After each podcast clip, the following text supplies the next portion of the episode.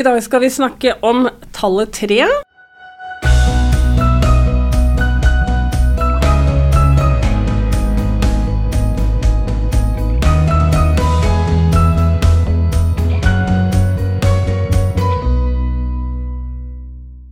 Du lytter til Veiledningshjørnet. Vi er en del av Veilederbua, opplæringskontorets podkast for deg som er instruktør for våre lærlinger. I Veiledningshjørnet hjelper vi deg å fylle verktøykassa med metoder for veiledning, slik at det kan bli enklere og morsommere å være instruktør. Jeg som prater nå, heter Gro Blomdal, og sammen med meg sitter min kollega Lise Ødemark.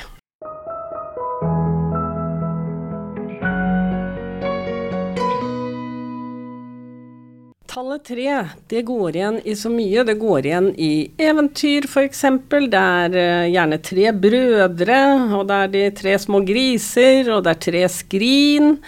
Og så har vi det også i en del religioner. Kristendommen med Den hellige treenighet, osv. Og også i veiledningsmetodikk så går tallet tre igjen. Lise, kan du si noe mer om det?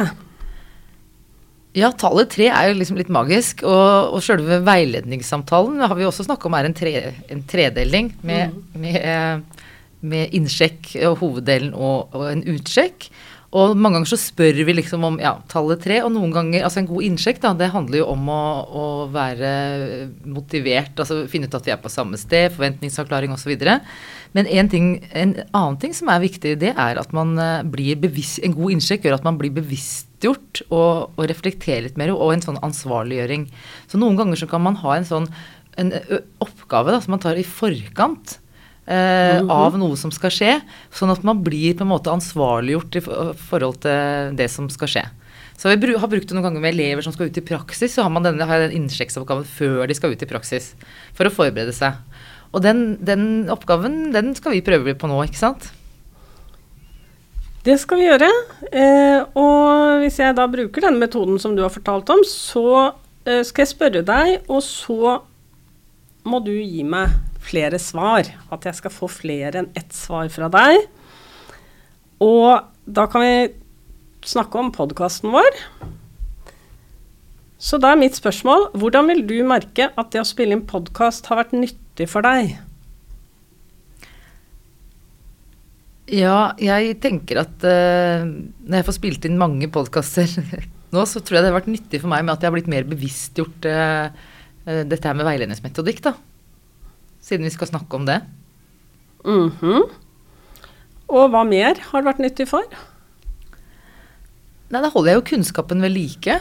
Når jeg ikke har så mye fysiske workshops i veiledning om dagen, så, så holder jeg jo kunnskapen om veiledning ved like da. Når jeg snakker om det med deg. Og hvis du skulle nevne én ting til? Ja, det kan jo slumpe at det kommer noen nye ideer, kanskje. For det å sitte og, og snakke med deg om, om, et fag som jeg er opptatt av, da kan det hende det kommer opp noe nytt. Ja, så det ble tre ting. Hvordan vil kollegene dine merke at dette har vært nyttig for deg, da? Noen av kollegaene vil kanskje merke at jeg blir mer bevisst hvordan de stiller spørsmål, da, tror jeg. Det med spørsmålsstilling. Kan du si noe mer om det? Ja, at uh, hvis vi skal sende ut, uh, sende ut et spørreskjema, f.eks. Hvis noen spør hvorfor, så vil jeg si at nei, hvorfor er ikke noe godt spørsmål Vil jeg si da, Så da må vi finne på noe annet. Vil kollegaene dine merke det på noe mer? Ja, at jeg kanskje blir ekstra opptatt av det å reflektere, kanskje. Bra. Hvem andre vil merke at denne podkastinnspillingen har vært nyttig for deg? Ja, det var ikke så lett da, kanskje, men uh, Ja, kanskje mora mi. At jeg ikke avbryter så mye. Når vi sitter og spiller inn podkast, så må vi vente. Vi må vente når vi Vente til du er ferdig før jeg får snakke. Moren din kanskje vil merke det, ja. Det er jo Kan jo være bra.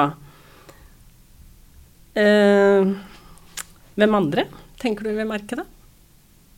Du spurte om kollegaer i stad, men jeg tenker kanskje at de som er sånn perifere kollegaer, da. Altså folk som mm. kommer på de kursene jeg har, eller veiledningsworkshopene jeg har, at de kanskje vil merke at jeg er engasjert, da. I temaet. Eller tema, altså i med veiledningsmetodikk. Ja. At det er noe som opptar meg. Mm. Nå kan jo jeg slutte å grille deg, for nå tror jeg de som hører på, har skjønt poenget. Eh, men eh, hvordan var dette, liksom? Det er jo liksom, man, blir liksom sånn stressa med en gang, for at du må tenke deg om. Men det, det, er jo det som er med det å spørre mer. Altså hva mer hvis det hadde vært noe mer? Altså det å gjenta tre ganger, som du uh, sa, gjerne tre ganger. Ja. Da må jeg grave litt i underbevisstheten etter flere svar, og da kommer det jo noe. Så, så det var jo nyttig. For det er så lett å svare bare det du tenker først, og så, eller tenker med en gang, og så går du ikke videre. Ja. Tenker du at svarene som kommer etter hvert, kanskje har en litt dypere bunn, eller er litt mer ærlige, eller kommer det hulter til bulter? Ja, det første du tenker, kommer jo først. Så som Ja. regel så kommer det om det er jo mer ærlig Altså det er vel kanskje ærlig alt, men altså det er mer gjennomtenkt, kanskje, det som kommer eh, til slutt, da. Ja, for det første kan jo ofte være litt sånn at man har forberedt seg på eh, Mm.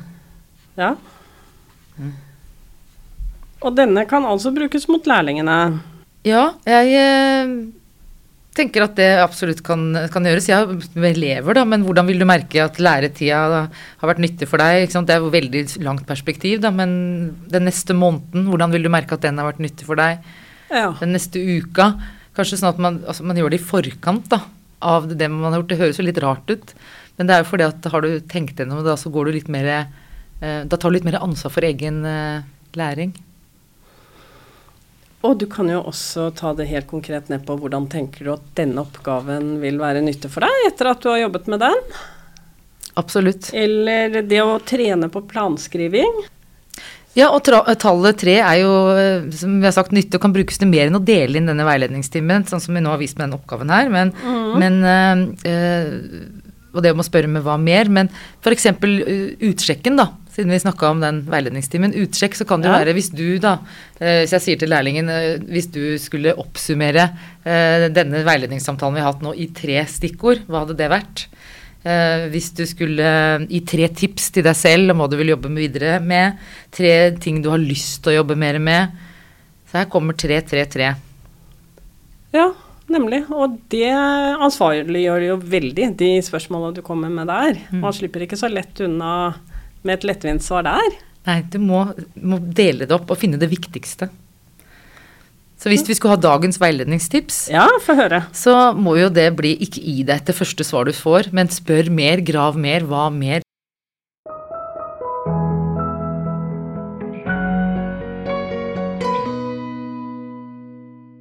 Veiledningshjørnet lages av Opplæringskontoret for helse- og oppvekstfag. Du finner støttemateriell til mange av episodene våre i OLKs ressurssenter. Ta gjerne kontakt med oss om du har innspill til tema for podkasten eller har spørsmål til oss.